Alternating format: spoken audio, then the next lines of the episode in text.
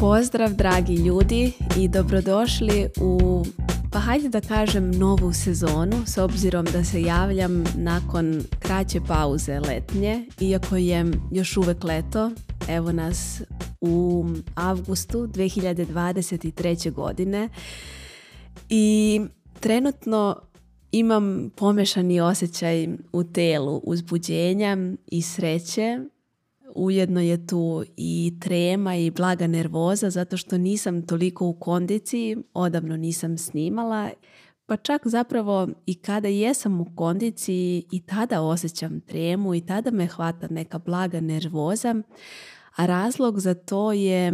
što stvarno volim ovo što radim i svaki put kad se javim u meni se probude oni ranjivi delovi mene koji, me nije najprijatnije, ali neka viša sila, to jest unutrašnja sila me stvarno vuče i moj motiv zašto sam ovdje je nekako zaista jak. Naročito kada čujem poruke, to jest kada mi se jave neke žene koje e, su poslušale neku ili više epizoda ili čak i sve epizode i koje se pre svega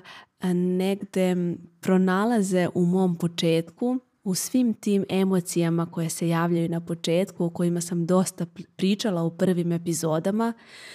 A evo i danas kada snimam 11. epizodu, zapravo one su sve opet tu. I baš želim to da naglasim zato što nekako uvek se plašimo tog početka i težak nam je, izazovan je i to je sa jedne strane potpuno normalno,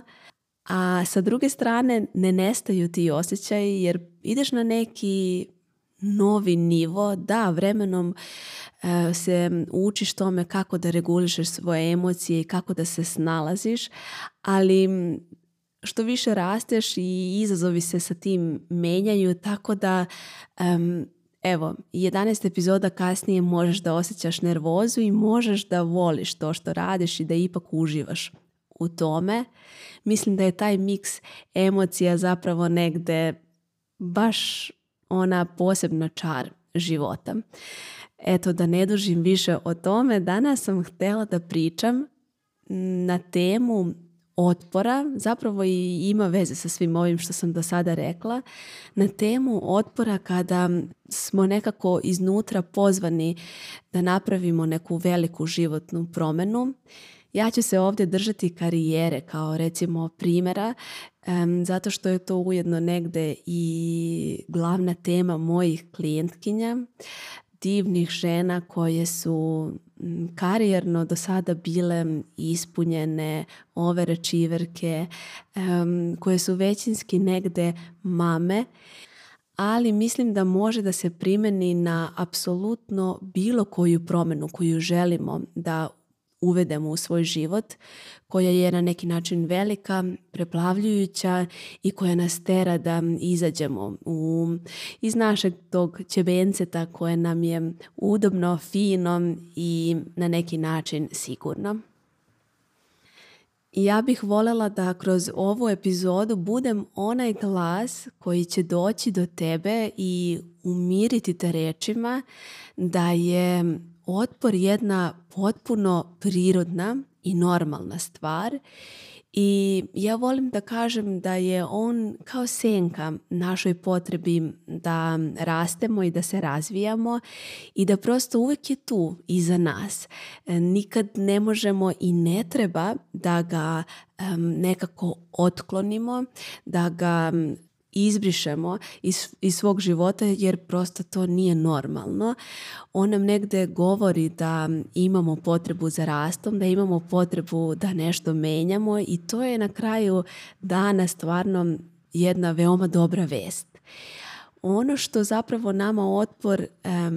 kako treba da gledamo taj otpor, jeste da treba da naučimo da ga regulišemo i da regulišemo svoje emocije um, impulse koji nam dolaze iz tela i pre svega misli koje nam dolaze vezano za za tu promenu vezano za akciju koju treba da napravimo i za odluke koje treba da donesemo. Tako da mi je cilj da negde e, pre svega, pre nego što na neki e, neprirodan način upustimo u promjenu koju želimo, mislim da je važno da razumemo i da prihvatimo da je, da je otpor normalan i to ujedno negde pokazuje našu ljudsku stranu. Prosto nismo roboti, nikome nije prijetno kada ulazimo u neizvjesnost, kada želimo nešto, a ne znamo šta će biti rezultat, ne znamo kako ćemo tačno doći do njega. Nikome nije prijetno kada se osjeća preplavljujuće i uplašeno i svi se tako nekad osjećamo.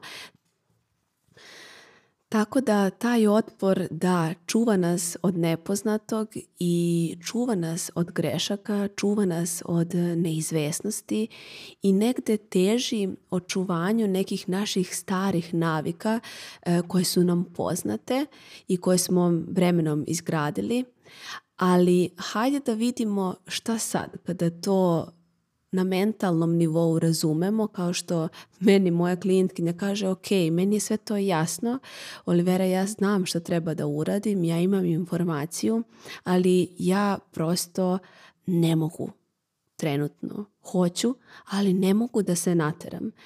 I to je onaj trenutak kada mislimo da je informacija dovoljna da bismo e, se pokrenuli, da bismo nešto napravili. Nažalost, E, nije tako jer da je tako onda bismo svi vrlo lako uskakali u promjene i ne bismo morali da idemo ni na psihoterapiju, ni na coaching, ne bismo morali da imamo mentore, ne bismo morali da imamo sobstvene procese i vrijeme koje naše tijelo traži da, da se prosto integriše neka odluka i da onda napravimo akciju već bismo svi otvorili Google, pronašli rješenje i primijenili ga. Ali pošto nije tako, hajde da vidimo kako na jedan zdrav način da se pokrenemo na tu promjenu. Voljela bih da krenem od um, onako back to basics, od osnove, a to je da razmislimo o tome pre svega šta je naša um, motivacija, koliko je meni zaista važno da ja živim i radim ono što volim i da kroz taj posao i doprinosim i da živim i sve što želim da živim kroz taj posao. Također, jedno veoma dobro pitanje je zašto je meni to važno i zašto mi je važno u ovoj fazi života. Odakle meni sad ta ideja? Zašto nisam željela to pre pet godine? Šta se to promenilo? I šta će da se promeni kada jednog dana u budućnosti budem živela tu promjenu? Kako će moj život tada da izgleda? Mislim da su ova pitanja tako jednostavna, a tako potentna i moćna zato što nas vraćaju u srž, a naša srž su naše vrijednosti životne. Ono što e, kada živimo nama donosi mir, donosi nam osjećaj sklada i osjećaj smisla i zato je mnogo važno da nam ta unutrašnja motivacija bude toliko jasna da u pola noći da se probudimo, da znamo zašto mi želimo da napravimo tu promjenu. Jer onda na kraju dana kada se, kada smo, se nalazimo u tom otporu i kada odlažemo da preduzmemo akciju, da iskoračimo, mi onda možemo jasno da vidimo šta je na jednom, a šta je na drugom tasu vage i da vidimo čega se mi zapravo odričemo kada ne donesemo tu odluku i ja često sebe pitam gdje ću biti za šest mjeseci ako ovu odluku opet odložim, a gdje ću biti ako sada napravim korak. Ma koliko da je taj korak mali, on bukvalno pravi jedan domino efekat na naš, na naš krajnji rezultat tako da na ovaj način mi stvaramo unutar nas jedan podržavajući sistem i mesto gdje imamo, gdje možemo da se vratimo kad god želimo da pokupimo malo te hrabrosti i motivacije koja nam je potrebna da bismo napravili iskorak druga mnogo važna stvar nakon što osvestimo tu našu unutrašnju motivaciju jeste da se često dešava i ja sam sama upadala u tu zamku da očekujem od sebe previše veliki skok. Dakle, primjera radi, ja sada radim puno radno vrijeme za nekog drugog i očekujem od sebe da paralelno budem u mogućnosti da izgradim svoj online održiv biznis profitabilan i da ga imam kao takvog za šest mjeseci.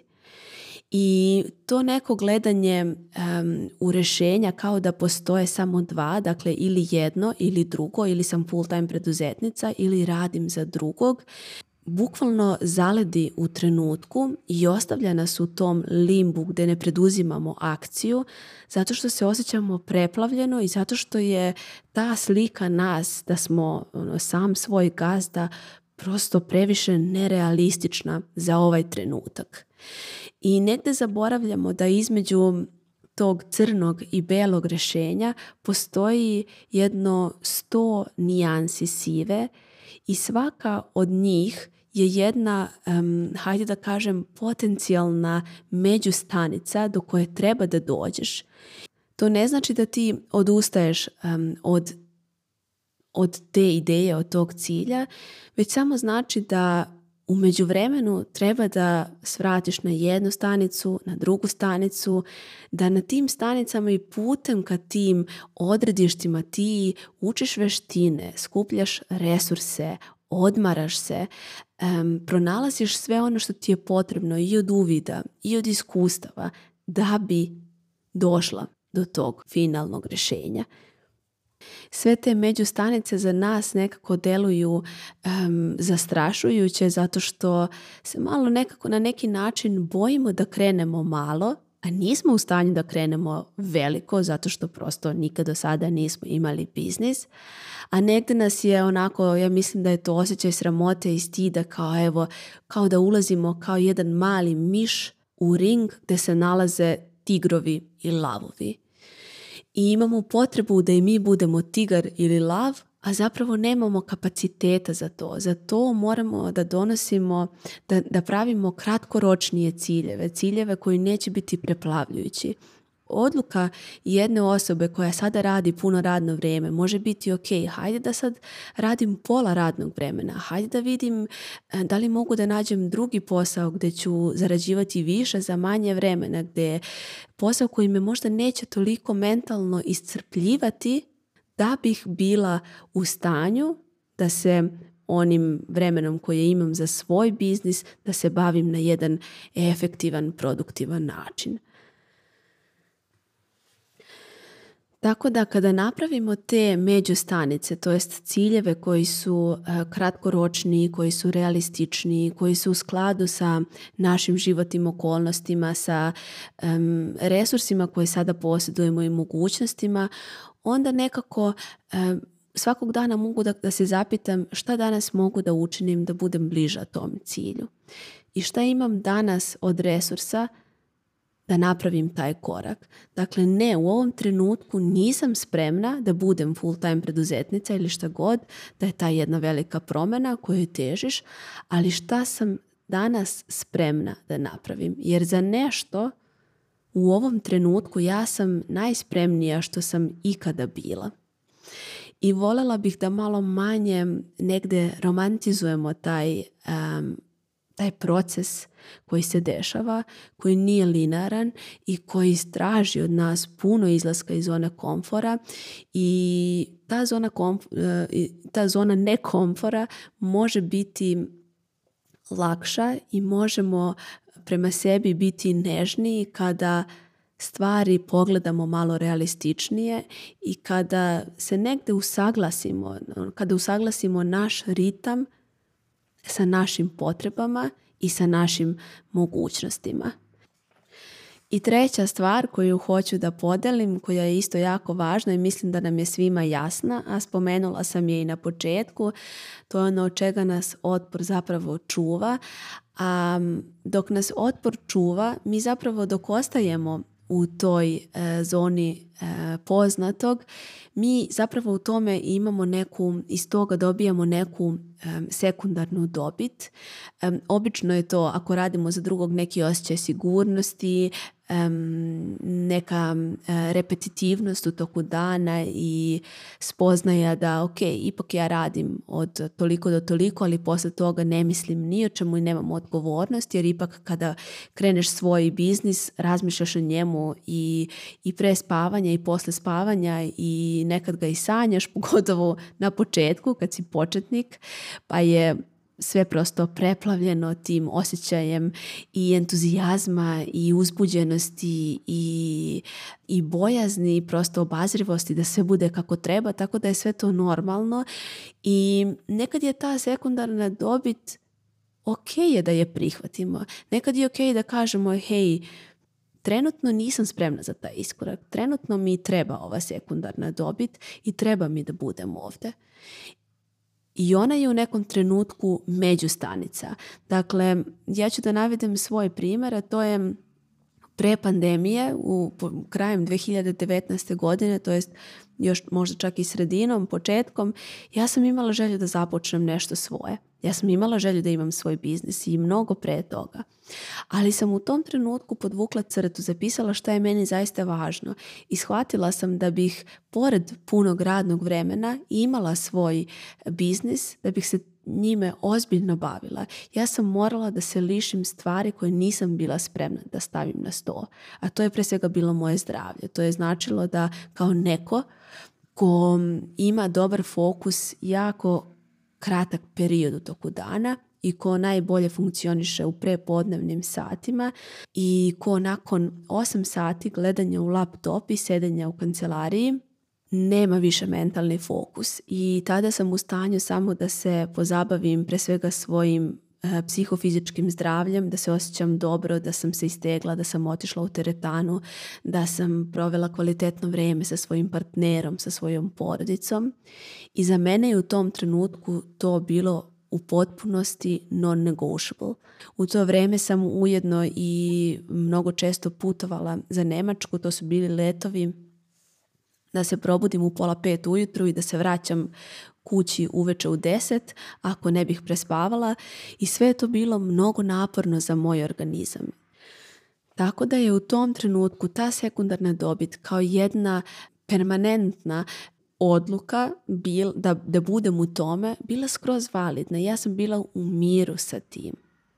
E onda kad su se promijenile okolnosti, kad sam e, prosto i ja se promijenila kao osoba, rastem, menjam se, moje se aspiracija, aspiracije, apetiti, sve se menja, onda sam u skladu sa tim počela da postavljam nove ciljeve.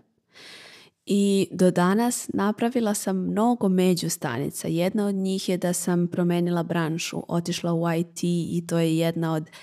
najboljih odluka za moj profesionalni razvoj. Naredna međustanica bila je trudnoća i to da sam postala majka, iako to deluje da nema nikakve veze sa karijerom i te kako ima, zato što majčinstvo u, e, verujem, svakoj od nas ili bar u većini nas pokrene milion pitanja o smislu života, o svrsi, o tome kako nas gleda to dete, kakvi smo mi u našim očima i tako dalje. Ovo je već neka potpuno druga tema, neću da ulazim u nju ali suština je da taj svoj otpor koji se i dalje javlja rešavam na takav način da idem malim koracima, da sam um, skromna u smislu ne očekujem od sebe previše, očekujem onoliko koliko sam u mogućnosti da dam, ali se pojavljujem uprkos tom otporu. I mislim da često onaj takozvani fear of missing out je razlog zašto mi tako želimo da napravimo taj veliki skok, zašto nemamo strpljenja prema procesu, jer želimo što pre da budemo ta neka nova verzija sebe, želimo da živimo taj život. A nekad je stvarno pitanje, treba da se zapitamo da li mi imamo za to kapaciteta, da li ja sada imam kapacitet da imam 200 klijenata nemam i ne bih željela da imam sada 200 klijenata zato što je moje trenutno vrijeme pre svega ograničeno zato što xy razloga da sada ne ulazim u to. Tako da negde realističan cilj ne znači da pocenjujemo sebe i ne znači da pocenjujemo e, svoje snove, viziju i sve ostalo, već samo znači da idemo jednim odlučnim i sigurnim putem, sigurnim u smislu ok, ovo je bezbedno za mene, ovo ima smisla za mene i ovo je izvodljivo. Dakle, ovo nije nešto što mi daje osjećaj preplavljenosti, jer preplavljenost je vrlo često razlog zašto e, ne ulazimo u akciju, zašto ne preduzimamo ništa. Mislim da će ova epizoda baš da potraje, nemam pojma koliko dugo već pričam i moram da priznam da prvi put pričam e, bez nekih većih teza. Samo imam par e, bukvalno par reči ispisanih kako ne bih previše odlutala, a mislim da već nekoliko puta jesam. Ali i to sam u ovoj epizodi uradila sa jednom velikom namerom, dakle ništa nije slučajno, jer nekako želim da oslikam koliko je ok biti nesavršen i koliko je ok i odlutati i to nisu razlozi da ne krenemo taj osjećaj kao nisam dovoljno spremna. Hajde da vidimo zašto e, jesi u ovom trenutku spremna. Koja je to akcija koja će te danas odvesti napred, da ćeš biti sutra zahvalna sebi da si krenula i gdje ćeš biti zahvalna sebi da, da si prosto ono, napravila, da si delovala uprkos tom otporu koji se javio jer uvek se seti da je otpor jedna potpuno prirodna stvar i da je cijela suština u tome da budeš na kraju povezana sa sobom, da uvek kroz čitav proces budeš što povezanija sa sobom a to ne znači da ćeš osjećati samo lepe emocije i da će putem biti samo lepo, već da ćeš znati kako da budeš samoj sebi podrška i kad nije lepo i kad osjećaš preplavljenost i kad osjećaš otpor i kad ti se ne da nešto da uradiš, a tamo sa svega toga što ti sa druge strane svega toga što ti se ne da da uradiš zapravo stoji ta verzija tebe Toliko od mene u ovoj epizodi. Nadam se da ti je bila korisna, da si uživala, da će ti nešto toga služiti i ako ništa, bar da si za ovih nekoliko desetina minuta koliko sam pričala da si osjetila da nisi sama u tom otporu i da smo zapravo mi svi kao ljudska rasa